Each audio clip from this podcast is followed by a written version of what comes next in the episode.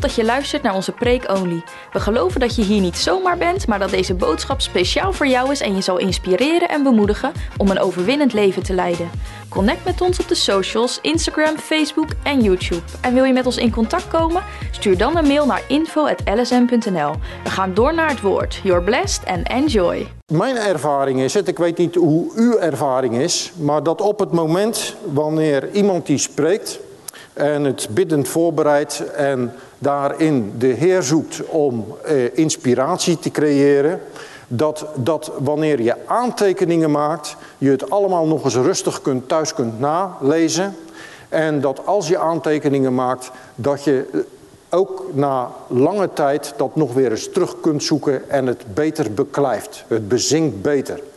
Als je geen aantekeningen maakt, en of dat je dat nou op je smartphone doet, of op papier, of in welke vorm dan ook, dan gaat er toch veel verloren. En ben je bijvoorbeeld volgende week alweer veel vergeten. Dus ik wil u uitnodigen om dat eruit te halen uit de preek, waarvan u zegt van nou daar heb ik wat aan, dit inspireert mij, hier, dit raakt me via de Heilige Geest, schrijf het dan vooral op, want dan blijft het beter hangen en beklijft het uh, beter. Is dat goed?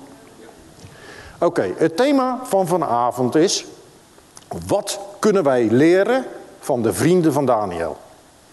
Dus het thema van vanavond is, wat kunnen wij leren van de vrienden van Daniel? En ik denk dat ik u voor u een hele mooie boodschap heb rondom dit thema. Wat kunnen wij leren van de vrienden van Daniel? Als we kijken naar de vrienden van Daniel, dan zou u kunnen zeggen, Kees, maar waarom dan deze preek? Waarom?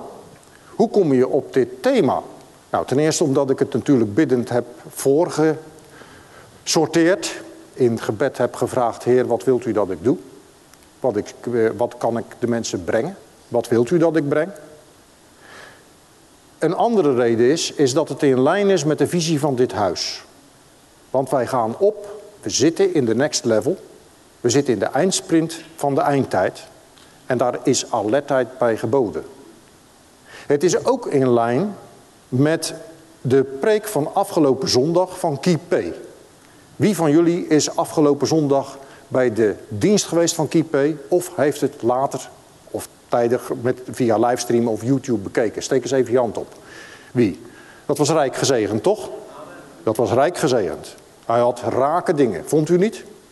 En eh, wat hij eh, deed was het belang van geloofskracht laten toenemen. Dat heeft hij goed benadrukt. Hij heeft een mooie metafoor gekozen met geloofskracht. En dat het allemaal vergeleken werd met geld. Maar dat je verschillende geldeenheden hebt. En dat je dus ook verschillende maten van geloofskracht hebt. En naarmate de tijd vordert, dat we ook in geloofskracht mogen groeien. En dichter op de Heer Jezus mogen, dichter met de Heer Jezus mogen leven. En steeds meer op de Heer Jezus mogen lijken. Maar hij heeft het ook gehad over alertheid in de tijd waarin we nu leven. Dat we vaak halve waarheden krijgen via politici of via media. Afijn, alertheid is geboden. En toen dacht ik, nou, daar ga ik eens even op door. En daar wil ik vooral vanuit Daniel 3 naar kijken. Nu heb ik in mijn verhaal over Daniel 3 eigenlijk drie kleine onderdelen. Dat is allereerst wat is nou feitelijk de visie op de wereld? Wat zien u en ik nu gebeuren in de wereld? Daar wil ik kort even bij stilstaan. Dat is eigenlijk het eerste onderdeel. Dan gaan we naar hoofdstuk Daniel 3. Ik haal er één hoofdstuk uit. En dat is ook exact de Bijbelteksten die we met elkaar gaan lezen. Pakken we gewoon een hoofdstuk Daniel 3, dat lezen we met elkaar. En als we dat dan gelezen hebben, dan doen we hem aan de hand van de Bijbelteksten wat kanttekeningen erbij plaatsen waarmee u aantekeningen kunt maken van hé, hey, maar wat betekent dat nu voor mij? Wat betekent dat voor deze tijd? En hoe kan ik daarmee weer koers mee bepalen voor de komende periode? Waarom Daniel 3? Wel omdat als je meer zicht hebt op de geschiedenis en je van de geleerde lessen kunt leren vanuit de geschiedenis, dan kun je je beter positioneren voor het heden. Dus je kunt realiseren van wat betekent dat voor het heden. En je kunt daarmee beter koers bepalen voor de toekomst. Dus waarom Daniel 3 vanavond? We leren van de geschiedenis, wat al 2500 jaar geleden gebeurd is. We herijken het voor dit moment waar we nu in staan. En we kunnen ons beter als christen positioneren voor de toekomst. Afijn, we zijn alerter en we zijn wakker. Amen. En daartoe wil de Heilige Geest u oproepen. Eerst even kort, wat ziet u en ik nu wat er in de wereld gebeurt? We hebben probleem op probleem, we hebben crisis op crisis en men weet zonder God niet meer wat te doen. Dat denken wij.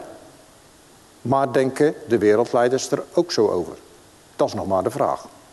De wereldleiders die hebben met elkaar de koppen bij elkaar gestoken. En zoals u wellicht weet zijn bijna alle landen vertegenwoordigd in de Verenigde Naties. En die Verenigde Naties die hebben zich afgevraagd wat gebeurt er allemaal in de wereld en wat is de visie voor deze wereld voor de komende jaren. En daarin hebben ze een plan gemaakt, een visiedocument en die is helder en duidelijk.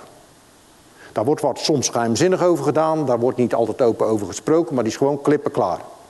En die klippen klaar, klip en klare visie is dat aan de hand van een aantal hoofdthema's over hoe het met de natuur moet, hoe het qua uh, mensen moeten, hoe het moet met allerlei belangrijke thema's, uh, noemen ze dat de Sustainable Goals. Hebben jullie daar wel eens van gehoord? De SDG's. Sustainable Development, Development Goals. Dus de duurzame ontwikkelingsdoelen. Je kunt het allemaal nakijken op Google, dan ziet u dat. Aan de hand van die thema's heeft men dus een visie ontwikkeld op waar de wereld heen gaat. We maken crisis na crisis mee. En we maken verandering van verandering mee. Maar waar men met de wereld naartoe wil, is met alle goede bedoelingen naar een verdere samengaan van mens en techniek. Dat mag u onthouden. Mens en techniek gaan samen. Dat noemen ze met een dure woord transhumanisme. En transhumanisme wil zeggen, de mens gaat samen met de techniek. En dat gaat heel veel voordelen opleveren.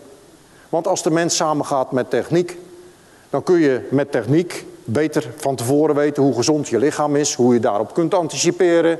Eh, het biedt allerlei soorten van gemak. Afijn, dat is de ontwikkeling waar men naartoe gaat. Dat houdt in dat steden en gebouwen en mobiliteit gaan veranderen. En dat noemen ze met een dure woord smart city, smart building en smart mobility. En dat houdt in een totale controle van iedereen en alles. Is dat slecht? Nou, per definitie niet, omdat het heel veel voordelen kent. Alleen, als er een keer een systeem komt waarin dat in verkeerde handen komt, dan praten we over een ander dingetje. Maar in principe heeft niemand iets te verbergen, toch? Als je te goede trouw bent, heb je niks te verbergen. Levert het alleen maar voordelen op. Nou, vanmiddag was ik bij een bedrijf in Rotterdam en daar wil ik kort iets van vertellen. En dat bedrijf, dat richt zich op big data. En big data houdt in dat je allerlei informatie hebt over iedereen en alles. En big data kon ik live op het scherm zien dat er gevolgd werd. We waren een klein comité, we hadden een vertrouwelijke setting bij een groot bedrijf in Rotterdam. Vanmiddag is het gebeurd. En ik ben er nog van onder de indruk. En ik kon live meekijken wat er in het pand gebeurde bij een heel groot bedrijf in België. En bij een heel groot bedrijf in België zag ik het kantoorgebouw. En ik kon elk poppetje zien wie in welk gebouw waar zat en waarheen liep en wat hij of zij deed. We wisten exact in welke vergaderzaal persoon A, B of C was. We wisten precies hoeveel keer dat hij naar het toilet ging, met welke collega's die gesproken had. We wisten alles. Hoe laat iemand binnenkwam, hoe laat iemand wegging, uh, of het licht wel of niet aanging. Uh, je kon zo gek niet verzinnen, alles zichtbaar. Ik kon zien wat de bezettingsgraad was van het kantoor, dat was vanmiddag 22 procent. 78 procent van de uh, plaatsen werd niet benut. Afijn, de info kon worden doorgegeven aan de catering en we wisten precies wat we voor de andere dag konden bestellen totale controle. In dat samengaan van mens en techniek zien we dus een ontwikkeling die daarop gaat. Alleen, op dit moment mag u ervan weten en vinden wat u ervan vindt. Het leidt tot gemak, het leidt tot allerlei ontwikkelingen, maar dit is de wereldvisie die ze willen doen. Alleen, wat ook open en bloot op Google staat, u kunt gewoon uh, internet raadplegen en kijken waar het dan uiteindelijk toe leidt. En dat is dat de mens vanuit het humanisme wil doorgroeien tot gelijk worden aan God. Nou, wie had dat nou kunnen bedenken? Homo Deus. De mens wordt gelijk aan God. En daar zit het addertje. Men wil feitelijk het laten samengaan van techniek en mens gelijk worden aan God. Waar hebben we dat nou eerder gehoord? Er is niets nieuws onder de zon. Dus alle ontwikkelingen, niks aan de hand. Alle doelstellingen en alle thema's goed bedoeld. Totale controle, in principe ook niks aan de hand. Maar het moet wel een goede handen blijven. Maar de bron erachter, die is helder en duidelijk. Men wil aan God gelijk worden. Nu gaan we naar Daniel 3. We gaan eens even kijken hoe die situatie 2500 jaar geleden was. Goed? Als het goed is, eh, dan hebben we met het Beamer-team afgesproken dat wij eh, eh, eerst even Daniel 3 gaan lezen. Ik denk dat ik dat het beste even uit mijn Bijbel kan doen. En jullie kijken mee op de beamer, goed? Nou, daar staat. Koning Nebukadnezar maakte een gouden beeld, waarvan de hoogte 60 en de breedte 6 el bedroeg. Hij stelde het op in de vlakte Dura in het gewest Babel. En koning Nebukadnezar liet de stadhouders, de oversten, de landvoogden, de stadsraden, de schatbewaarders, de rechters, de bewindvoerders, ja, alle bestuurders der gewesten bijeenroepen om de inwijding bij te wonen van dat beeld dat koning Nebukadnezar had opgericht. Toen kwamen de stadhouders, de oversten, de landvoogden, de stadsraden en de schatbewaarders, de rechters en de bewindvoerders, ja, alle bestuurders der gewesten bijeen voor de inwijding van het beeld dat Nebukadnezar had opgericht. En zij stelden zich op voor het beeld dat Nebukadnezar had opgericht. En een heraut riep met luider stem: Aldus wordt u bevolen, gij volken, natieën en talen, Zodra gij hoort het geluid van horen, fluit, citer, luid, uh, harp, doedelzak en allerlei soort van muziekinstrumenten, zult gij u ter aarde werpen en het gouden, hoofd, gouden beeld aanbidden dat koning Nebukadnezar heeft opgericht. En ieder die zich niet ter aarde werpt en aanbidt, zal ogenblikkelijk in de brandende vuuroven geworpen worden. En derhalve wierpen alle volken en natieën en tongen zich ter aarde, zodra zij het geluid van horen, fluit, citer, luid, harp en allerlei soort van muziekinstrumenten hoorden en aanbaden het gouden beeld dat Nebukadnezar had opgericht.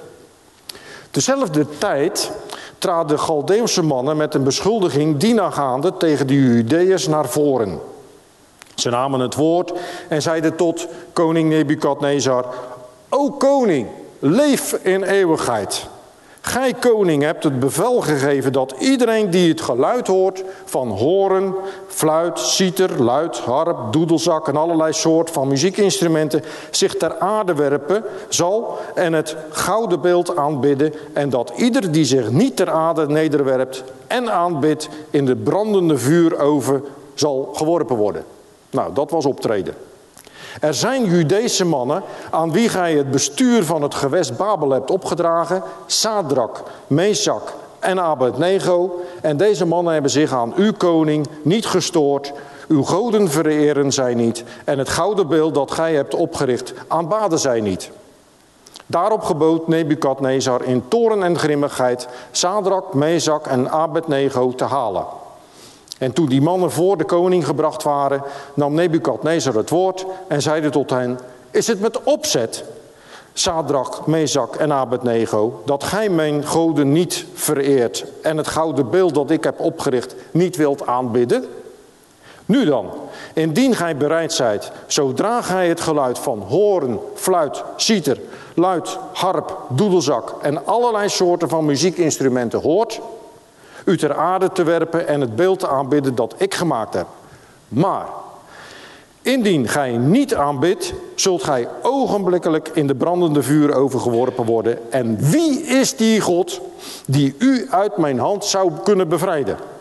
En toen antwoordde Sadrak, Mezak, Abednego, de koning van Nebukadnezar, wij achten het niet nodig u hierop enig antwoord te geven. Indien onze God, die wij vereren, in staat is ons te bevrijden, dan zal hij ons uit de brandende vuuroven en uit uw macht, o koning, bevrijden. Maar zelfs indien niet, het zij u bekend, o koning, dat gij, dat wij uw goden niet vereren en het gouden beeld dat gij hebt opgericht niet aanbidden. En toen werd koning Nebukadnezar vervuld met gramzak, gramschap sorry, en zijn geluidsuitdrukking veranderde tegen Sadrak, Mezak en Abednego. En hij antwoordde en gebood dat men de oven zevenmaal heter zou stoken dan gewoonlijk. En aan enige mannen van de sterksten van zijn leger gaf hij bevel Sadrak, Mezak en Abednego te binnen eh, te binden en in de brandende vuur over te werpen. En toen werden die mannen gebonden met hun mantels, broeken en mutsen en overige klederen aan en in de brandende vuur overgeworpen. Omdat nu het bevel des konings streng was en de oven bovenmatig was opgestookt, doodde de vlam van de vuur de mannen die Sadrek en Mezak en Abednego naar boven gebracht hadden.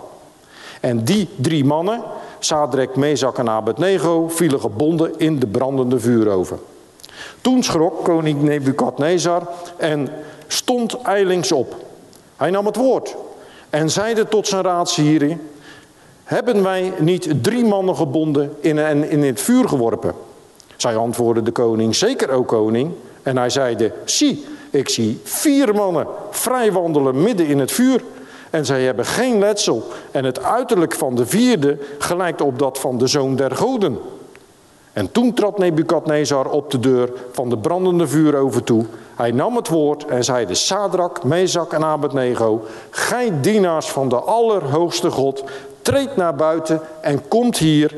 Toen kwamen Sadrak, Mezak en Abednego uit het vuur en de stadhouders, de oversten, de landvoogden en de raadsheren des konings kwamen bijeen. Zij zagen dat het vuur geen macht had gehad over de lichamen van deze mannen, dat hun hoofdhaar niet was geschroeid, dat hun mantels ongeschonden gebleven waren, ja, dat er zelfs geen brandlucht aan hen gekomen was.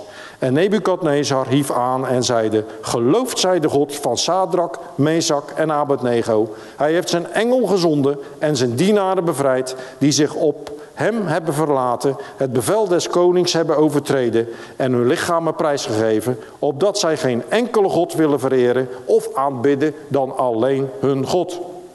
En daarom wordt door mij een gebod uitgevaardigd dat ieder tot welk volk, volk, tot welke natie of taal hij ook behoren, de enig oneerbiedig gesproken woord spreekt tegen de God van Sadrak, Mesak en Abednego in stukken gehouden en dat zijn huis tot de puinhoop gemaakt zal worden, omdat er geen andere God is die zo kan verlossen. En toen bewees de koning Sadrak, Mesak en Abednego bijzondere gunst in het gewest Babel. Amen. Wat een verhaal, hè? Wat schitterend. Dus we maken hier een absolute koning mee. Uh, koning Nebukadnezar. We gaan terug even naar vers 1, alsjeblieft, Biemer. Dan pakken we dat er even bij. En dan zien we dat daar in het verhaal feitelijk, ja, wie zijn de hoofdrolspelers hier? Dat is natuurlijk koning Nebukadnezar aan de ene kant en de drie vrienden van Daniel aan de andere kant. Kijken we nu naar koning Nebukadnezar, dan vroeger in het Midden-Oosten had een naam een betekenis. Het zei iets over je bestemming. Het zei iets over je doel. En koning Nebukadnezar werd vernoemd naar de toendertijd de god Nebu, of ook wel Nabu genaamd. En die god stond voor wijsheid en geschrift, voor geschrift. En dat was koning Nebukadnezar. Koning Nebukadnezar, uh, die was hoofd van het Babylonische Rijk. zo ongeveer 2500 jaar geleden. En er waren verschillende Joden weggevoerd in ballingschap. En het waren niet de minste Joden, want het waren de meest intelligente Joden die in ballingschap werden weggevoerd richting wat nu Iran, Irak eh, heet. Koning Nebukadnezar die had het, uh, de droom gekregen daarvoor en dat was een gouden beeld. En die gouden beeld die liet hij oprichten en dat gouden beeld dat bekijken we zo even. Naar de drie vrienden van uh, Daniel, die hadden nu in dit Bijbelgedeelte een andere naam. Hier wordt gesproken over Sadrach, Mesach en Abednego. Maar het is ook even interessant, welke naam hadden ze nu aanvankelijk eerst? Want weet u, de naam gaf iets aan van je bestemming, van je toekomst.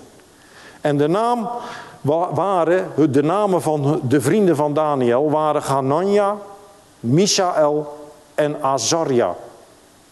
En dan weet ik niet of dat u weet wat de betekenis is van de naam van Hanania. Maar de naam van Hanania is Yahweh is genadig. Yahweh is genadig.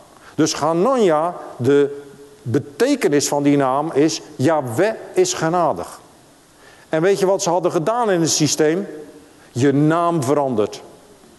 Je identiteit verandert. En die naam van Hanania werd Sadrach. En weet u wat de betekenis is van Sadrach? Dat was bevel van Aku. Dat was een maangod toen. Dus in plaats van dat je riep eigenlijk aan hem, Yahweh is genadig, werd hij aangesproken als een vertegenwoordiger van de maangod.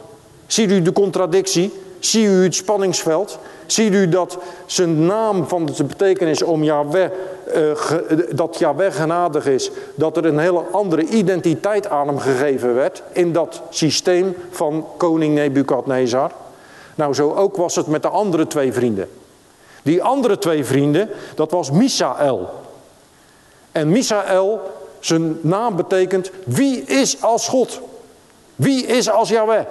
Wie is als de God van Israël? Wie is als de schepper van hemel en aarde? Wie is als onze drie-enige God?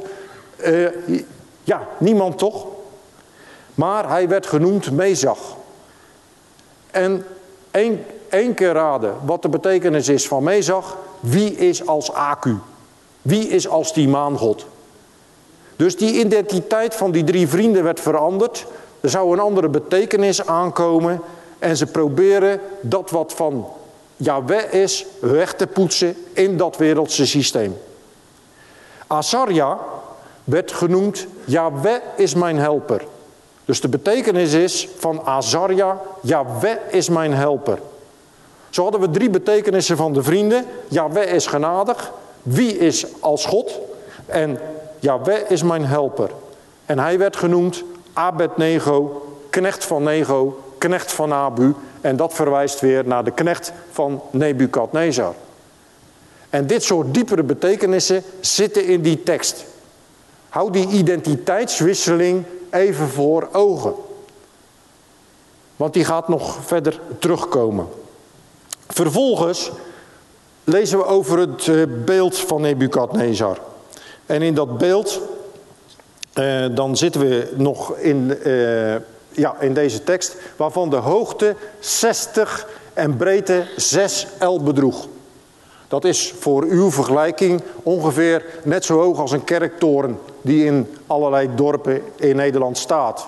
27 meter hoog, ongeveer 3 meter breed, 2,7 meter. En u kunt het natuurlijk uittekenen, staat hier niet bij, maar 6L ook in de diepte. Wat bijzonder is, is die afmeting van dat die 60L hoog is, 6 meter breed, 6 meter diep, 3 keer 6. Een soort volmaakt getal voor de mens. En u zult zien dat er een doorontwikkeling is van het wereldse systeem naar opnieuw 3 keer 6, wat in openbaring 13 beschreven uh, uh, is, dat er als het ware we ons ontwikkelen in de wereld. Hè, wij zijn niet van de wereld, maar in de wereld. Maar het wereldse systeem ontwikkelt zich tot een volwassen wereldsysteem van eveneens 3 keer 6. Dit is hier wellicht 2500 jaar geleden al een voorbode daartoe. Nou, in dit totalitaire systeem gaan er een aantal dingen gebeuren. Ten eerste, de leider van het systeem, koning Nebukadnezar, zegt: Je moet mijn beeld gaan aanbidden. En dan zou je verwachten dat er heel veel weerstand komt vanuit de massa. Geen sinds het geval.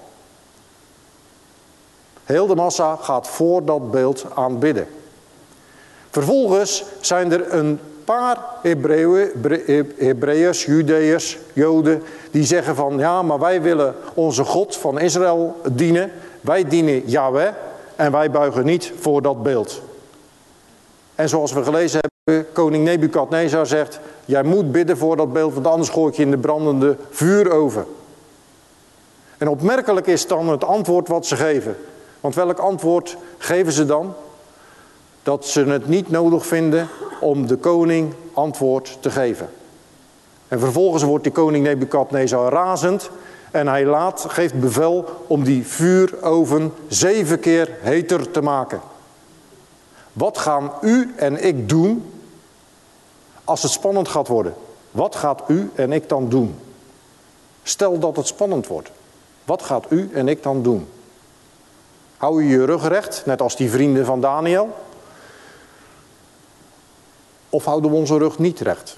Wat gaan we doen? Wat kunnen we leren van de vrienden van Daniel? Karakter, hè? Het wordt wel verweten dat de christendom op dit moment een beetje soft is. Maar christendom is helemaal niet soft. Christendom is dat we meer dan overwinnaars zijn in Christus. Amen. Wij mensen zijn zwak. Maar in hem zijn we meer dan overwinnaars. Houden we onze rug recht. Ook als de oven zevenmaal heter zou worden. Stel dat. Want we komen tot de oogst. En dat betekent dat zowel het kwade als het goede gaat opgroeien. opgroeien. En wij, van laten wij dan de liefde van Christus zien. Amen. Kunnen wij in de rust blijven van Christus. Amen. Kunnen wij echt het verschil maken. Gij geel anders. Zijn wij echt geel anders? Zijn wij echt geheel anders? Houden we onze rug recht? Net als de vrienden van Daniel. In Daniel 1 staat, Daniel nu nam zich voor zich niet te laten verontreinigen. Dat is een wilsbesluit, dat is een karakter, amen. Nou, ik zou u en mij gunnen dat we daarvan tot op de botten ons overtuigd zijn. Wij nemen ons voor ons niet te laten verontreinigen. Wat het ook gebeurt en wat er ook gebeurt, wij houden onze rug recht. Amen? Ja. Nou, en dan denk je van, nou, de vrienden van Daniel, ze dienen zo Yahweh. Ja, die komen natuurlijk niet in die vuuroven. Daar worden ze van gered, er gaat een wonder gebeuren. Ze gaan niet die vuuroven in. Maar wat lezen we dan? Dan zegt Nebukadnezar, die laat niet de minste uh, mensen tot zich roepen. Nee, die haalt de sterkste bij zich. En die sterkste, sterke mensen, die binden de vrienden van Daniel en die gooien ze in de vuuroven. En zelf, die sterke mensen, die hulpen van Nebukadnezar, komen te overlijden. Zo heet is die oven. En dan vervolgens gaan de vrienden erin, door die vuuroven. Ze worden door het vuur gelouterd. Maar dan staat erin als iemand die op God lijkt. Bijbeluitleggers zijn het er niet helemaal over eens wat er nou exact in die grondtekst staat. Maar sommige Bijbeluitleggingen geven, de Heer Jezus liep met hun mee. Amen. En het zou mij niet verbazen dat het Heer Jezus zelf is geweest. Het zou ook een engel geweest kunnen zijn. Ik weet het niet. Maar als het puntje bij het paaltje komt, dan mogen wij ervan overtuigd zijn, sowieso, dat de Heer met ons is. Hij is voor ons, Hij is op ons, Hij is om ons heen. Amen. We zijn beschermd onder zijn bloed, dat we dat ons mogen realiseren. En dan is het in lijn met de leefstijl, onze leefstijl, dat we in de rust van de Heer mogen zijn. Weet je waar de wereld op dit moment naar snakt? Naar innerlijke rust. We maken de verandering van de verandering mee. Er zijn altijd veranderingen geweest, maar de snelheid waarin de veranderingen nu gebeuren is ontzettend in een curve. We maken de verandering van de verandering mee. Het is nog nooit zo snel gegaan. Maar wij hebben rust in de Heer. Amen. En uiteindelijk komt het erop neer dat de uh, Nebukadnezar moet erkennen van ja, niet ik, dus de God die waar naartoe hij vernoemd is, Nabu, de God van wijsheid, de God van het geschrift, is de baas. Nee, Yahweh is de baas. Amen. En aan hem komt alle eer en glorie toe. Nou, wat zijn nu de lessen uh, voor u en voor mij? De lessen voor u en voor mij is dat we in de meest boeiende tijd leven ooit. Althans, dat denk ik. En in die meest boeiende tijd waarin wij leven, komt het erop aan dat we karakter tonen. Amen. Dat we stand innemen voor de Heer. Dat, we, dat er geen tijd is voor spelletjes. God heeft een eind gezet aan het kwade. Het kwade kan zich niet tot in lengte van dagen ontwikkelen. Hij gaat een keer ingrijpen. Amen. En tot die tijd zijn wij, u en ik, de bruid die steeds schoner mag worden, omdat we klaar moeten zijn en witter dan witte wol voor de wederkomst. Amen. En in die mindset betekent dat er een enorme druk in positieve zin op ons ligt, om namelijk steeds meer op de Heer Jezus te gaan mogen lijken. Amen.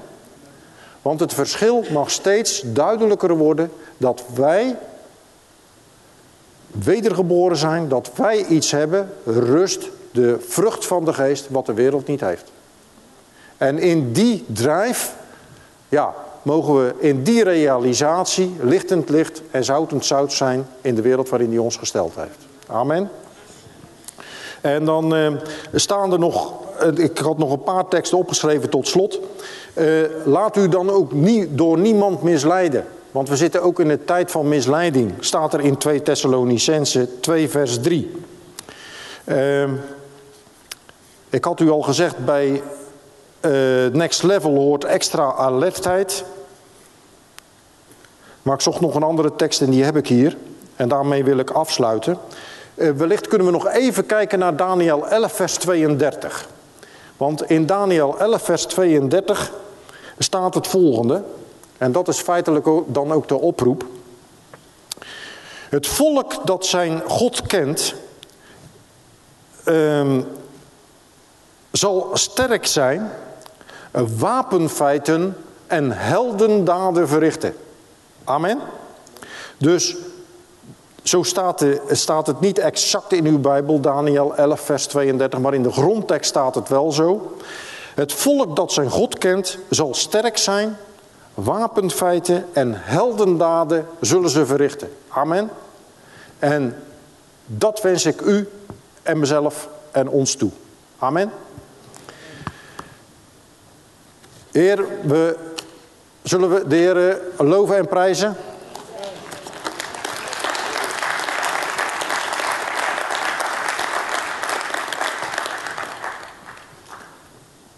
Ik vertelde u dat gebed essentieel is. En in het gebed, wat essentieel is, is uh, dat we vooral onze afhankelijkheid mogen weten van de Heer. En u heeft uh, een tijdje geleden een aantal kaarten van de levende steen hier gekregen. Heeft u die nog, die proclamatiekaarten? Ja? Heeft u ze niet? Vraag dat dan straks nog even in de foyer. Maar deze proclamatiekaarten kunnen van enorme steun zijn voor u en voor mij. Dat op het moment wanneer je even niet weet, ja, wat wil ik nou bidden, waar wil ik nou in uh, uh, uh, groeien, om vooral dat tot, u, tot u te nemen.